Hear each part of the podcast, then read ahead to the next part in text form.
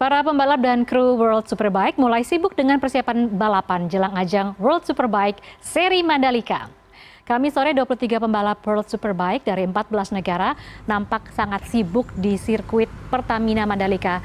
Pedok-pedok yang berisi motor para pembalap memulai proses perakitan yang dilakukan oleh para kru. Sementara itu, para official dan pembalap yang akan bertarung diberikan kesempatan untuk melakukan track walk mengelilingi sirkuit Pertamina Mandalika sepanjang 4,3 kilometer dengan tujuan untuk memperkenalkan karakteristik lintasan sirkuit Mandalika kepada para pembalap. Bahkan dalam kondisi hujan cukup lebat, sejumlah pembalap pun tetap melakukan track walk ataupun berlari di lintasan sebelum memulai sesi latihan pada Jumat pagi.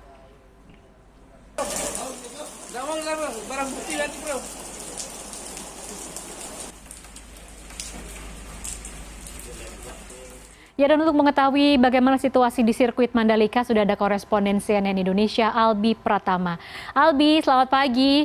Bagaimana Albi kondisi lintasan, cuaca dan juga pengamanan di sirkuit Mandalika?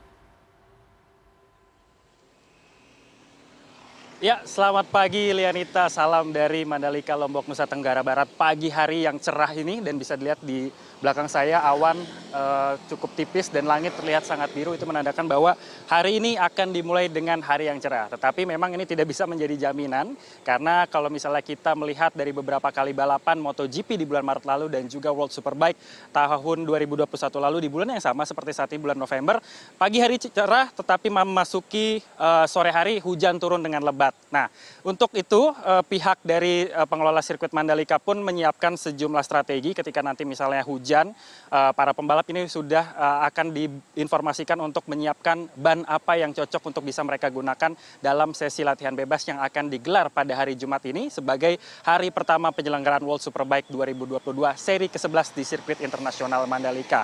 Dan kalau misalnya memang melihat uh, prediksi cuaca di kawasan Lombok Nusa Tenggara Barat memang mulai memasuki sore hari akan uh, ada awan mendung dan juga berpotensi hujan. Karena kemarin pada saat kami tiba di kawasan uh, Lombok Nusa Tenggara Barat hujan memang menyambut kami dan uh, intensitasnya cukup uh, sedang sampai dengan deras. Tetapi setelah itu selesai, para pembalap yang totalnya ada 24 pembalap dari 12 tim World Superbike yang sudah tiba seluruhnya di uh, Mandalika, Lombok, Nusa Tenggara Barat juga menyempatkan diri untuk melakukan track walk atau mengenal uh, lintasan sirkuit. Walaupun sirkuit ini sudah dua kali dipakai sebagai tempat balapan uh, baik itu World Superbike 2021 dan juga MotoGP 2022 pada bulan Maret lalu. Tetapi masih ada beberapa pembalap-pembalap yang baru bergabung dengan Superbike sendiri sehingga harus ada pengenalan sirkuit sehingga uh, nantinya uh, para pembalap tersebut bisa mengenali sirkuit ini dengan baik, baik itu di mana mereka bisa memacu motor hingga top speed ataupun memasuki tikungan-tikungan yang memang dikenal cukup mengesankan bagi para, beberapa pembalap yang memang sudah pernah melakukan balapan di sini. Dan untuk di seri ke-11 ini ada dua pembalap yang memang dijagokan sendiri oleh para penggemar di World Superbike sendiri ya. Yang pertama adalah Alvaro Bautista dari tim Aruba Ducati yang saat ini memuncaki uh, klasemen tertinggi dengan poin 507 poin. Dan di posisi kedua ada pembalap dari Partai Yamaha yaitu Toprak Rasgatlioglu dengan skor selisih sekitar 82 poin. Di mana Toprak sendiri pada tahun 2021 lalu mengukuhkan gelar juara dunia World Superbike-nya di sirkuit internasional Mandalika. Sehingga Toprak menginginkan bisa sekali sekali lagi untuk memenangkan uh, seri di Mandalika ini sendiri karena mengaku sudah uh, hafal dengan treknya dan sangat menyukai dengan lintasannya. Dan di luar dari persiapan uh, jelang penyelenggaraan World Superbike di sirkuit Mandalika tadi dan juga cuaca, saya juga akan unjukkan di belakang saya Lia, ini adalah salah satu titik uh, penyekatan di mana ini adalah tri, link, uh, bundaran Triputri yang menjadi salah satu akses masuk menuju ke sirkuit Mandalika. Di mana ini kendaraan-kendaraan dari arah barat Pulau Lombok biasanya masuk e, melalui jalur ini untuk menuju ke sirkuit dan ada penjagaan yang dilakukan oleh sekitar 20 aparat keamanan yang memang bertugas di pos ini.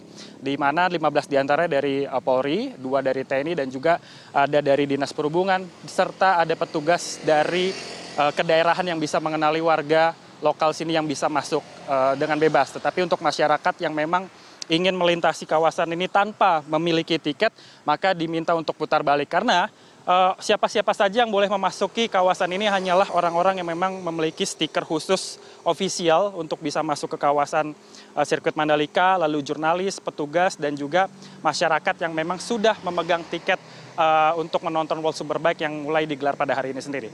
Total seluruhnya pihak dari panitia penyelenggara sendiri menyediakan sekitar 50 ribu tiket dan sampai hari ini sudah tercatat sekitar 30 ribu tiket di antaranya uh, terjual dan siap untuk didatangi oleh para penonton yang memang datang baik itu dari Pulau Lombok sendiri maupun dari uh, beberapa wilayah sekitarnya. Tetapi kalau misalnya dibandingkan dengan penyelenggaraan pada tahun 2021 lalu, kawasan Mandalika pada kali ini terlihat uh, lebih sepi karena memang pihak dari uh, Pemprov Nusa Tenggara Barat ini mengatakan fokus ini terbagi antara Pulau Lombok dan juga Pulau Bali yang secara hampir bersamaan tengah menyelenggarakan KTT G20. Tetapi memang diharapkan masyarakat yang menjadi penggemar World Superbike tetap bisa hadir ke sini dengan aman, nyaman, dan juga leluasa. Lia.